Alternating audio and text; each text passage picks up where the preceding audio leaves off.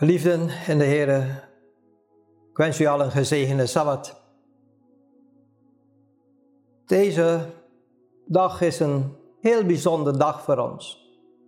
Het is een dag waar wij openhartig een gesprek aangaan met elkaar, met de Heer. En het gaat hier om eeuwige belangen. Er zijn keuzes die we kunnen maken, of voor het eeuwige leven, of de eeuwige dood. Waarom? En waar hangt deze keuzes vandaan? De titel van morgen is ook uh, geluid: Ik wil een ware discipel van Jezus zijn. Wat zijn de eigenschappen van een ware discipel?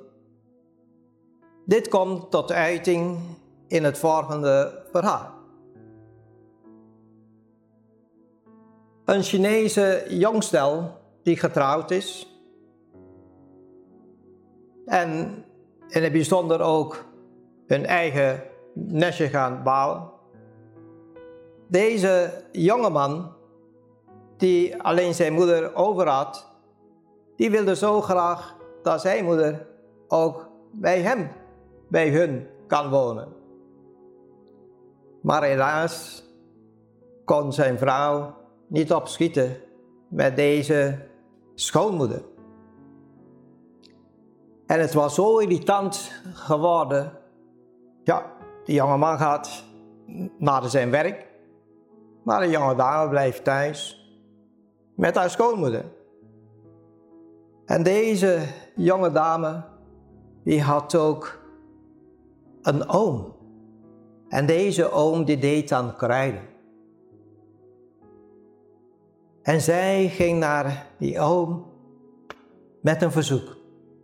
Oom, ik weet dat je goed in die kruiden bent, maar ik heb iets, ik zit met iets hier, namelijk ik wil mijn schoonmoeder.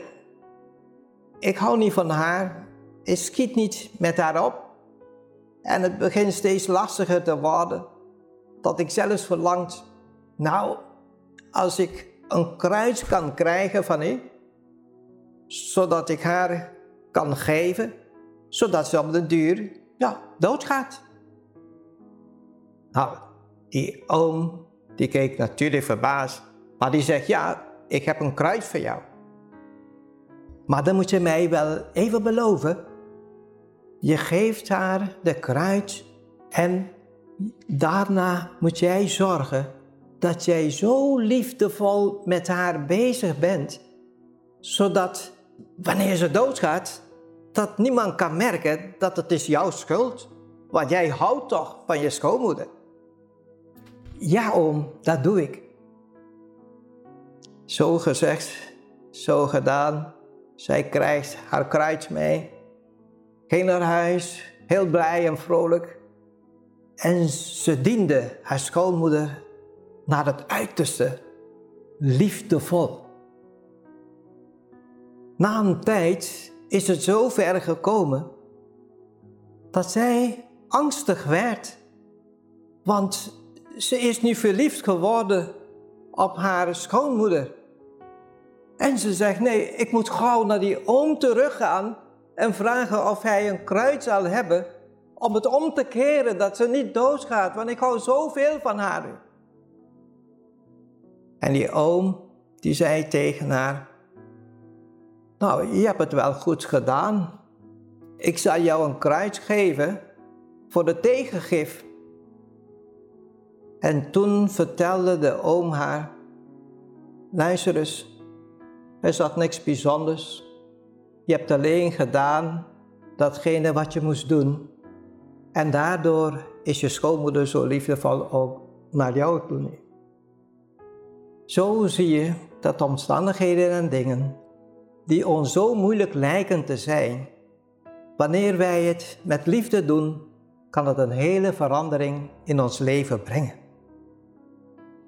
Ook in het leven van de discipelen weten wij hoe moeilijk karakters deze discipelen hadden. Allemaal verschillende. Nou, dan moet je voorstellen dat, ja, iemand die jou niet kent, en die zegt, nou, ik wil graag dat er zoveel vrienden komen, maar ik ken ze niet. Maar de Heer Jezus kan wonderen doen en tot de vandaag nog. Het is belangrijk, zoals de titel net zei, ik wil een ware discipel van Jezus zijn. Gelovig zijn we allemaal. Men praat wel ongelovig, ja, omdat ze niet in God geloven. Ja. Maar ware geloof is iets anders. Het is en moet een oprecht geloof zijn. Mijn geliefden, vandaag staan wij heel cruciaal in deze wereld. Waar de wereld heel chaotisch, heel sterk uiteen wordt gedreven. En je ziet groepjes hier en groepjes daar, wel of niet, voor of tegen, ontstaan.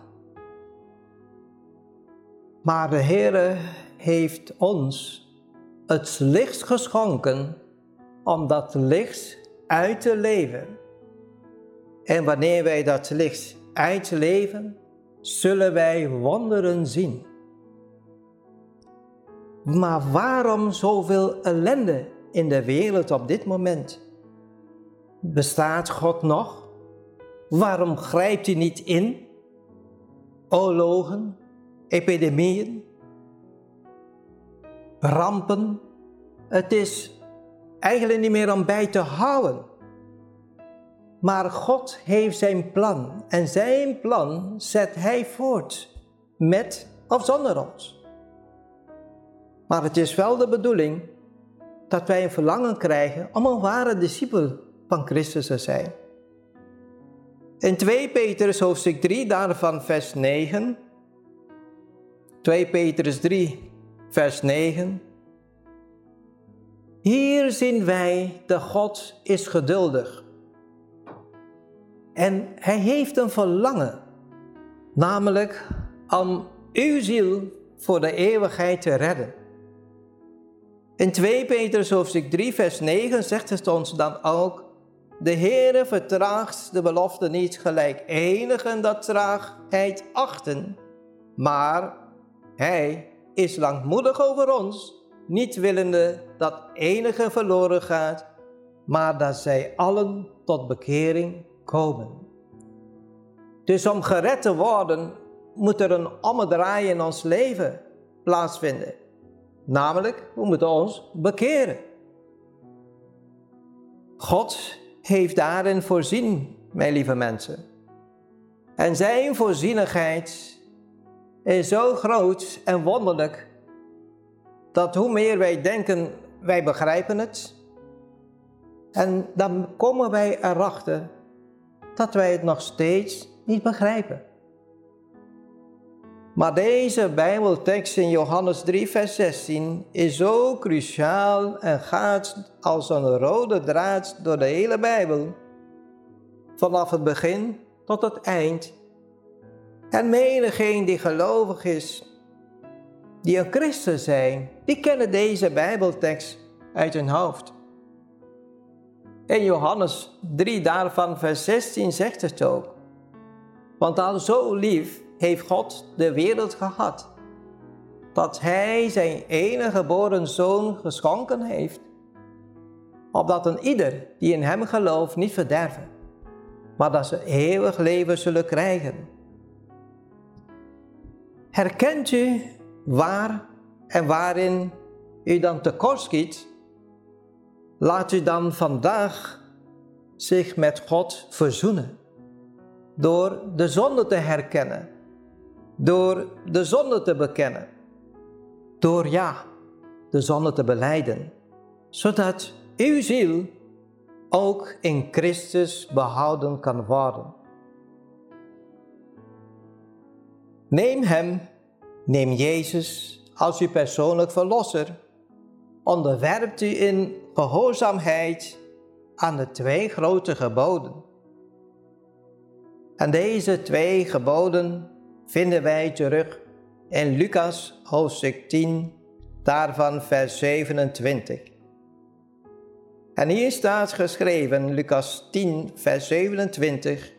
En hij, dus hier betreft het een wetgeleerde, antwoordde en zei: Gij zult de Heere, uw God, liefhebben met geheel uw hart, en uit geheel uw ziel, en uit geheel uw kracht, en uit geheel uw verstand.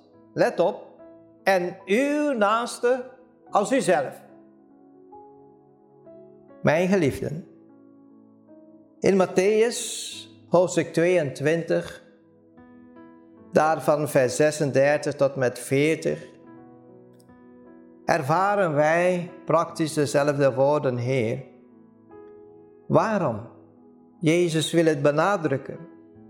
We houden vaak alleen van degene die van ons houden. We houden vaak alleen van degene die wij kennen. Maar nog interessanter is om te houden van de mensen die je niet kent. En zeker als ze zich vijandig naar je opstellen. We lezen in Matthäus 22, vers 36 tot met 40, zegt: Meester, welk is het grote gebod in de wet? En Jezus zei tot hem: Gij zult liefhebben de Heere, uw God, met geheel uw hart en met geheel uw ziel en met geheel uw verstand.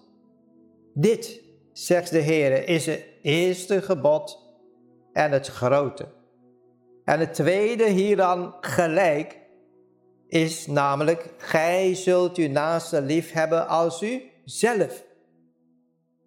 En Jezus legt het uit en zegt, deze regel nog erbij, aan deze twee geboden hangt de ganse wet en de profeten. Is er iets nieuws onder de zon? Nee. De wet is gegeven, de profeten hebben het uitgeleefd. En bestudeer hen. En dan komt je erachter, ze hebben alleen de wil van God gedaan. Laten wij onze geest meer verbinden met het geschreven woord. Dit is namelijk de stem van God. In het papje mens wordt de Bijbel ook terecht genoemd E palabra de Dios, de stem van God naar mij.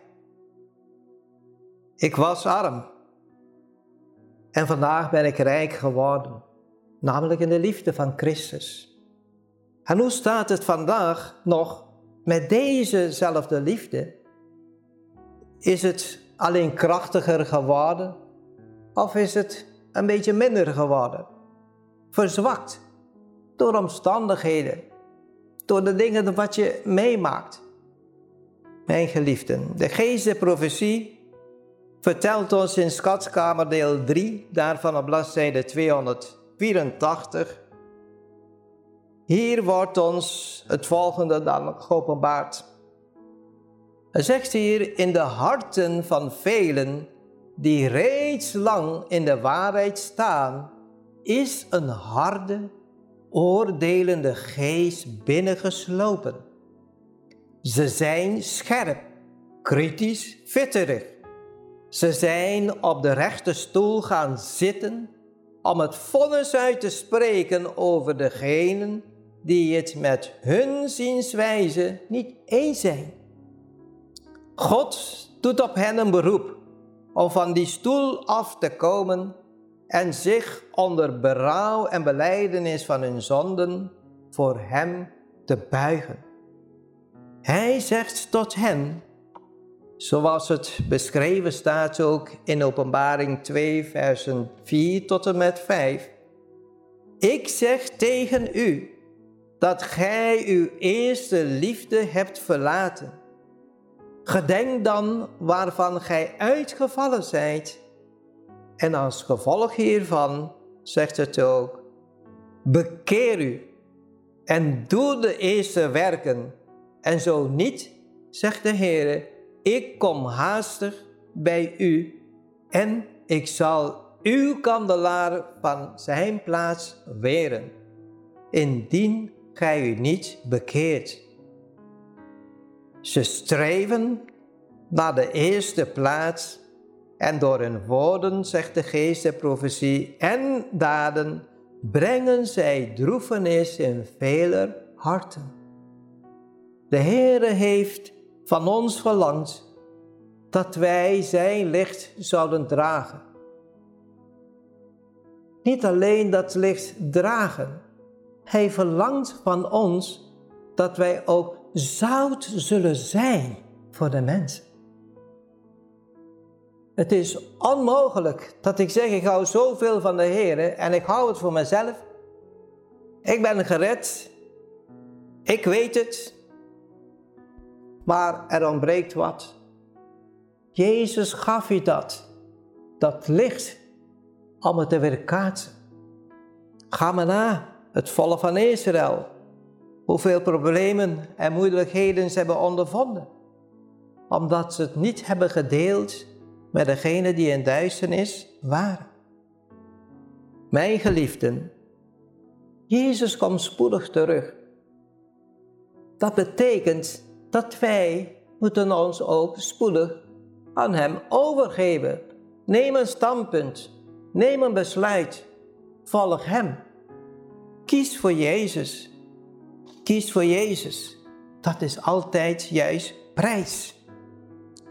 Mijn geliefden, de eindtijd nadert. De wetenschappers weten dat ook. En ze zijn weer begonnen na lange tijd te spreken over het klimaat. Mijn geliefden, weet u wat dat betekent? Het klimaat, de veranderingen die er zijn, dat is een teken dat deze aarde zal niet zo lang meer zo blijven zoals het zo mooi nu en zo prachtig eruit ziet. De wetenschappers zijn erachter dat bij 2050, nou, als dit nu niet verandert, dan zal er heel wat kapot gaan, zowel dieren, zowel planten. En we hebben allemaal dat nodig. Er is er iets bijzonders in de drang van de wereld. God heeft het laatste woord in alle dingen. Dat betekent de manier hoe de mens zich op dit moment gedragen en omgaat met het klimaat. Dat betekent ze maken zichzelf kapot. Maar het is God die straks alles tot een einde zal brengen. Dit zegt ons ook in de Bijbeltekst in het Oude Testament in Nahum, hoofdstuk 1 daarvan, vers 9. In Nahum, hoofdstuk 1, vers 9. Het geeft ons te kennen, Heer, wat denkt u tegen de Heer? Hij zal zelf een voleinding maken. En let op, de situatie waarin we nu ons bevinden is niet leuk. De Heer heeft beloofd, dus schep je een nieuwe hemel en een nieuwe aarde. Maar u hoeft niet bang te zijn dat het weer kapot gaat, want aan het einde van deze Bijbeltekst in Nahum 1, vers 9 staat geschreven, de benauwdheid zal niet tweemaal oprijzen, mijn geliefde. Ik schep u een nieuwe hemel en een nieuwe aarde waar alleen gerechtigheid zal zijn. Dit is de keuze die wij vandaag kunnen maken. Een keuze voor Jezus, onszelf over te geven. Ik wil een ware discipel van Jezus zijn. Dat betekent, er moet iets met ons gebeuren. Interessant is dat Jezus ons ook zegt in Johannes 10, daarvan vers 27. Hier zegt Jezus, mijn schapen horen mijn stem en ik ken ze. En wat is het gevolg daarvan? En ze volgen mij na. Wij moeten ons niet gedragen als de schapen die alle kanten opgaan. Oh, ik zie broeder Thomas die kant gaan, ik ga hem achteraan. Zo werkt het niet, mijn geliefden. Wij moeten leren luisteren naar de stem van de goede herder. Mijn geliefden, er is een onderscheid van gelovigen en er is een onderscheid van de christenen en er is een onderscheid namelijk van de discipelen van Jezus. Discipel betekent een leerling. En een discipel van Jezus betekent een leerling van Jezus. En dat betekent dat ik onvoorwaardelijk datgene wil doen en volgen wat Jezus mij zegt. Mensen kunnen veel vertellen. Mensen kunnen wel mooie fantasie hebben over de uitlegging van dit en dat.